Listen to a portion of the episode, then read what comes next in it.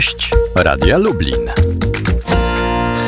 Na zegarze już prawie 15 minut po godzinie 8 Tomasz nie śpiał przed mikrofonem, a gościem Radia Lublin w studiu Polskiego Radia w Warszawie jest Adam Abramowicz, rzecznik małych i średnich przedsiębiorców. Dzień dobry. Dzień dobry, witam słuchaczy Radia Lublin.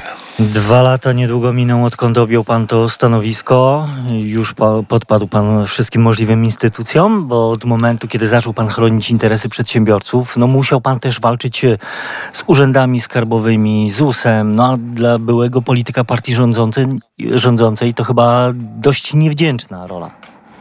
Y, niewdzięczna, ale y, i wdzięczna, dlatego że y, cała konstrukcja konstytucji biznesu i rzecznika to polegała na tym, że rzecznik ma bronić małych i średnich przedsiębiorców. Czyli jako ten tak. strażnik i obrońca konstytucji biznesu czuje się pan jako ryba w wodzie.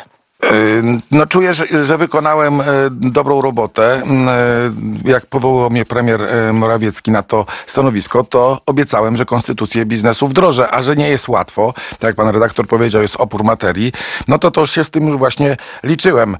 Wykonaliśmy, dzisiaj będziemy pokazywali, wysłaliśmy panu premierowi właśnie sprawozdanie za poprzedni rok i będzie konferencja prasowa, na której będziemy pokazywali, co żeśmy zrobili.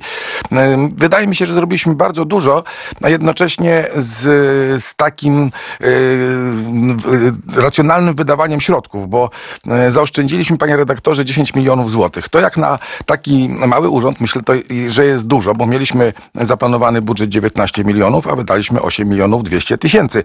No i oczywiście y, pytanie, czy wykonaliśmy nasze zadanie. Otóż... no właśnie, dzisiaj... bo to był ten czas, w którym pan podejmował e, interwencję w sprawie e, przedsiębiorców. Co się udało? E, przede wszystkim udało się zorganizować urząd od zera, czyli mamy dzisiaj centralę w Warszawie, e, oddziały w Krakowie, w Poznaniu, Gdańsku i Białymstoku. E, wpłynęło do nas przez ten ubiegły rok 2336 wniosków od przedsiębiorców. Te wszystkie sprawy trzeba było sprawdzić, przeanalizować. Podjęliśmy z tych wniosków 1373 sprawy. Część już jest załatwiona pozytywnie dla przedsiębiorców, część prowadzimy, bo przypomnę, że rzecznik może na prawach prokuratora wchodzić do postępowań. A więc takie duże uprawnienie, jeżeli stwierdzamy, że łamana jest konstytucja biznesu i prawo i przedsiębiorca jest krzywdzony, no to wchodzimy no i wygrywamy dla e, przedsiębiorców te sprawy. E, także opiniujemy projekty ustaw. 140 projektów na etapie parlamentarnym zostało przez nas ocenionych i 264 na etapie rządowym. E, I 27 wniosków o objaśnienia prawne. Więc tak trochę trochę żeśmy się tutaj zmobilizowali małym zespołem, bo 46 pracowników jest zatrudnionych. Y, tak jak powiedziałem, z, dużym, z dużą dozą oszczędności, bo zaoszczędziliśmy ponad 10 milionów złotych, ale wykonaliśmy kawał roboty według mojej oceny. Myślę, że przedsiębiorcy będą mieli też okazję ocenić po sprawozdaniu, które dzisiaj żeśmy panu premierowi złożyli. I też z pewnej, z pewnej perspektywy, jak pan ocenia e, konstytucję biznesu, którą e, przyszło przyszło panu e, właśnie bronić, stać na jej e, straży. Pan zresztą e, wielokrotnie nazywał jej uchwalenie, jej wdrożenie w życie krokiem przełomowym. Mm, dziś może pan z czystym sumieniem stwierdzić, że ona zmienia na lepsze rzeczywistość gospodarczą w Polsce? Zmienia i myślę, że to był czas najwyższy, żeby ta konstytucja biznesu została uchwalona, ponieważ e, sytuacja małych firm e, jest e, coraz bardziej trudna, nie tylko w Polsce, ale i, i, i w innych krajach. Mamy do czynienia z takim procesem globalizacji, czyli duże korporacje zajmują coraz większe obszary działalności gospodarczej. Jeżeli nie będziemy bronili tego sektora MŚP, to może się tak wydarzyć, że państwa będą zorganizowane w ten sposób, że będą duże korporacje, korporacje, ich właściciele nieliczni na całym świecie i pracownicy najemni. Y, to nie jest dobry scenariusz dla funkcjonowania państwa i dla funkcjonowania demokracji. Stąd y, ta konstytucja biznesu w Polsce y, była, tak jak mówię, potrzebna i rzecznik, który właśnie ma stać na jej straży, był ta, jest takim organem wykonawczym. Dobrze, że jest taki organ, ponieważ y, konstytucja konstytucją, a bardzo wielu urzędników dalej uważa, że będzie jak było y, i tej konstytucji nie przestrzega. I tutaj, no niestety ze smutkiem muszę powiedzieć, że no, jesteśmy w pewnym zwarciu z tą częścią y, urzędników. Oczywiście część wykonuje dobrze swoje obowiązki, rozumie, dlaczego ta konstytucja biznesu została wprowadzona, ale tak jak mówię, w wielu przypadkach obijamy się o ścianę. A z czego ten opór materii, panie ministrze, wy, wynika? Bo też w pana komunikatach i stanowiskach y, bardzo często nie brakuje ostrych y, słów y, pod adresem urzędników, instytucji. Ja, y, choćby sięgając teraz do, do takiej y, świeżej sprawy na początku stycznia, y, kobiety protestujące y, przed siedzibami Zakładu Ubezpieczeń Społecznych y, w Polsce, które, no, chodzi o właścicielki firm i ich zasiłki macierzyńskie, ich prawo do zasiłków macierzyńskich i chorobowych kwestionowane przez y, ZUS y, y, bardzo często. E, Pan mówi, że oni, że to biznesmenki nękane przez urząd tylko dlatego, że usiłowały łączyć prowadzenie działalności gospodarczej z macierzyństwem. Nie złamały prawa, a mimo to ZUS żąda masowo zwrotu wypłaconych im świadczeń oraz odsetek. No to jest właśnie. takie, panie redaktorze, wylewanie dziecka z kąpielą. Otóż ZUS oczywiście musi stać na straży budżetu, na straży pieniędzy ubezpieczonych, ale e, musi, muszą być pewne ograniczenia w tym działaniu. No nie może być tak, że chcąc e, uszczelnić system, e, atakuje się osoby, które skorzystały ze swoich praw. Bo dzisiaj mamy system ubezpieczeń chorobowych taki, że przedsiębiorca, no po pierwsze musi płacić składkę na ZUS ryczałtową. No to wiadomo, że tutaj też e, m, moim sukcesem jest to, że jest mały ZUS Plus, bo to jest e, nasza, nasz pomysł do premiera. On został wdrożony. Jest dzisiaj duża część przedsiębiorców może korzystać. My jeszcze chcemy to zmienić, żeby wszystkich to objęło. No ale składka chorobowa dla przedsiębiorców jest dobrowolna. No ale przepisy mówią, że przedsiębiorca może się ubezpieczyć na tym właśnie ryczałtowym najniższym ubezpieczeniu, a może się ubezpieczyć na wyższym, płacąc wyższą składkę. To jest jego prawo. Jeżeli kobieta wie, że e, będzie e, rodzić dziecko, że planuje, żeby w rodzinie pojawiło się dziecko, no to przecież wiadomo, że się będzie ubezpieczała na, na tej wyższej składce. To jest tak naturalne. Przecież i, i ja, i pan redaktor, i wszyscy by tak robili. Jeżeli ktoś jest chorowity, no to się będzie ubezpieczał na wyższej stawce. Otóż dopóki składka wpływa do ZUS-u, no to jest wszystko w porządku. ZUS ją sobie księguje tam na, u, u siebie na, na koncie. Problem polega, e, zaczyna się wtedy, kiedy trzeba te e, świadczenia wypłacić. Otóż...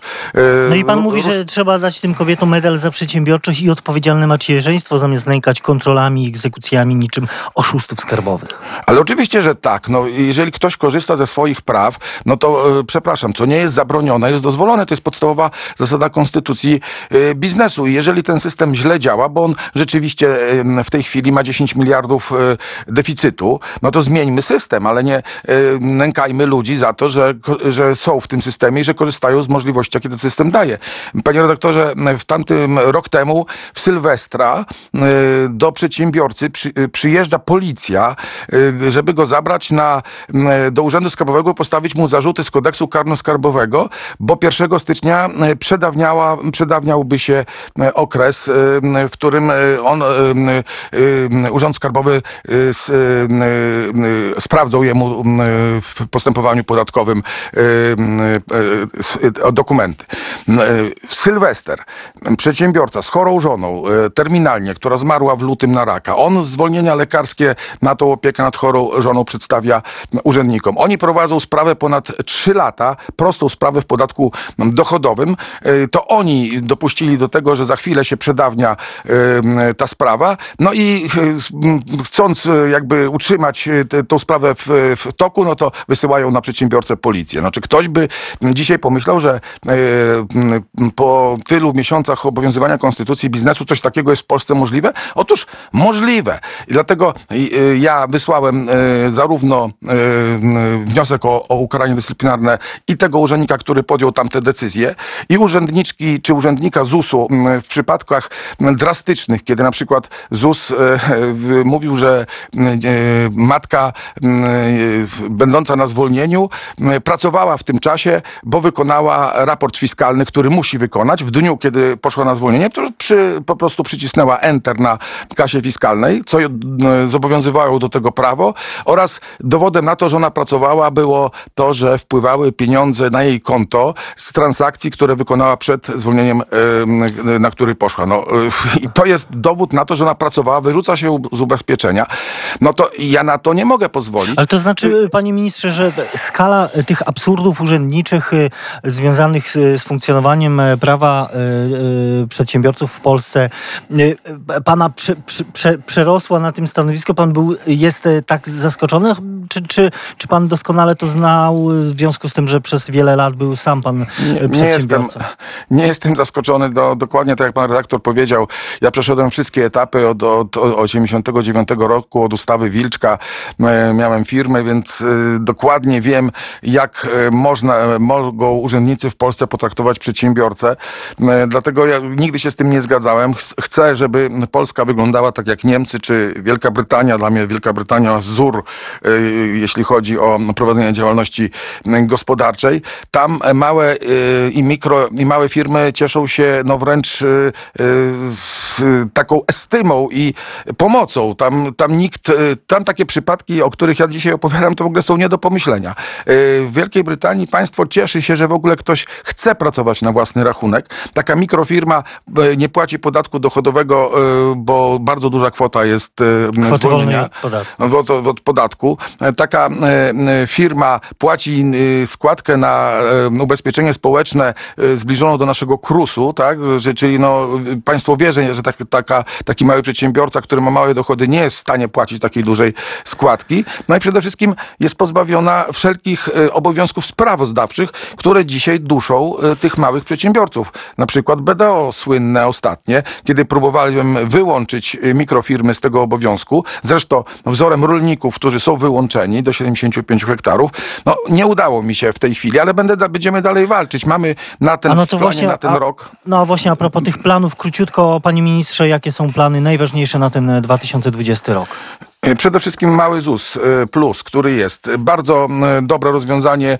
Wielkie podziękowania dla premiera, że wsłuchał się w nasz głos, no ale niestety jeszcze musi być poprawiony. Musi być zniesiony limit przychodowy 10 tysięcy złotych, tak żeby e, ten system objął wszystkich przedsiębiorców, także małych handlowców, którzy dzisiaj są z tego e, wyłączeni. Zresztą wzorem innych państw europejskich, gdzie takie systemy dokładnie e, e, istnieją. I mówił Chcemy, to Adam Abramowicz. Musimy już, e, panie ministrze, kończyć. Rzecznik małych i średnich przedsiębiorców. Mam e, jeszcze, mam jeszcze dziewięć punktów, panie redaktorze. Proszę mnie Ale- jeszcze zaprosić, bo ważne rzeczy chcemy w tym roku zrobić Będzie i okazja. myślę, że nam się uda. Mam, mam nadzieję, że będzie okazja do kolejnych rozmów. Adam Abramowicz, rzecznik małych i średnich przedsiębiorców, był gościem Radia Lublin. Bardzo dziękuję.